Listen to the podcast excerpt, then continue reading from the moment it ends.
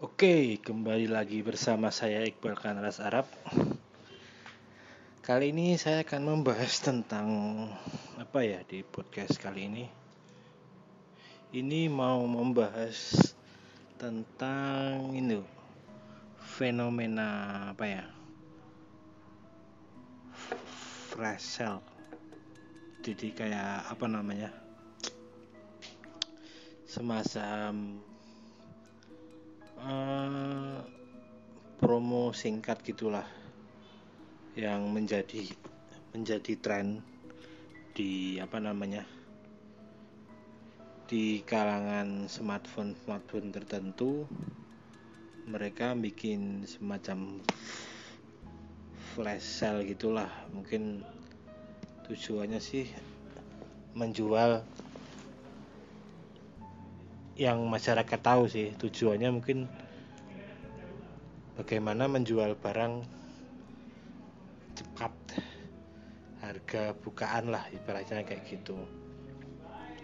Yang minggu-minggu ini melakukan seperti itu adalah Xiaomi. Melakukannya di Lazada terus yang kemarin ini Asus. Asus juga melakukan flash sale ini juga di Lazada dan tadi keren versi mereka sih. Terjual habis dalam waktu sekitar 15 detik. Wah mungkin bagi sebagian orang dia dapat campaignnya ya. Wah keren terjual cepat. Gitu gitu gitu. Tapi sebenarnya seberapa efektif sih cara seperti itu? Kalau dengan dilihat dengan data yang saya dapatkan di penjualan smartphone di kuartal ketiga 2017 itu HP-HP yang melakukan fresh sale itu pada kenyataannya mereka tidak mencapai penjualan yang signifikan ya.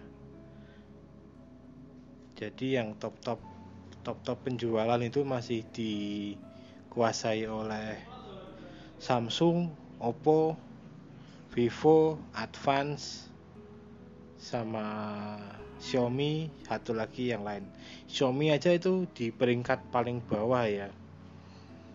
Bahkan dia kalah dengan Advance. Nah, itu membuktikan apa hal-hal seperti itu bahwa kenyataannya untuk untuk dapat jika HR akhirnya itu adalah sales untuk market Indonesia sebenarnya nggak nggak begitu cocok dengan sistem seperti itu. Tapi kembali lagi tergantung sasarannya sih. Kalau emang marketnya HP low end menengah ke bawah ya seperti itu nggak nggak masuk akal. Lebih baik malah kalau ada stoknya stoknya banyak sekalian daripada cuma dijual nyari boomingnya itu aja sih. Dan akhirnya malah bunda sendiri kalau saya lihat yang kasus Asus tadi malah komen-komennya di sosial media itu malah banyak yang menghujat ya dalam artian aku nggak kebagian ini gimana 15 detik udah habis gimana gimana gimana? Itu kan sebenarnya malah negatif isu negatifnya malah jadi jadi naik ya. Daripada dia flash sale tapi emang jumlahnya barangnya dibanyakin sekalian jadi nggak usah nanggung-nanggung itu mungkin malah malah tetap positif jatuhnya.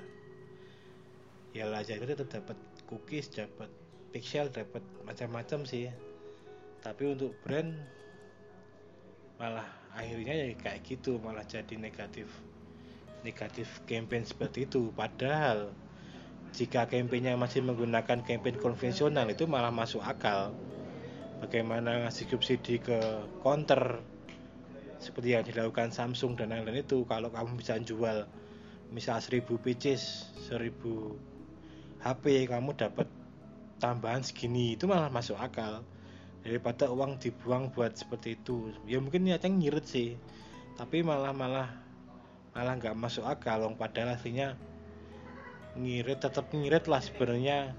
Tapi mengurangi sedikit keuntungan tapi dengan volume yang lebih banyak itu sebenarnya malah malah masuk akal sih. Mungkin segitu aja sih ya. Mungkin ke depannya sih semoga kayak Xiaomi Asus ini bisa lebih lebih kreatif lagi sih. Kalau emang yang dikejar itu mau penjualan yang sangat banyak bukan cuman bombastis saja. Oke sekian dulu podcast saya kali ini.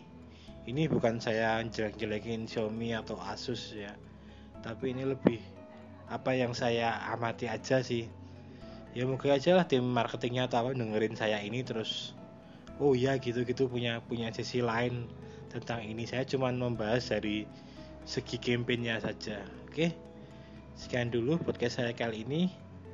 Selamat pagi salam olahraga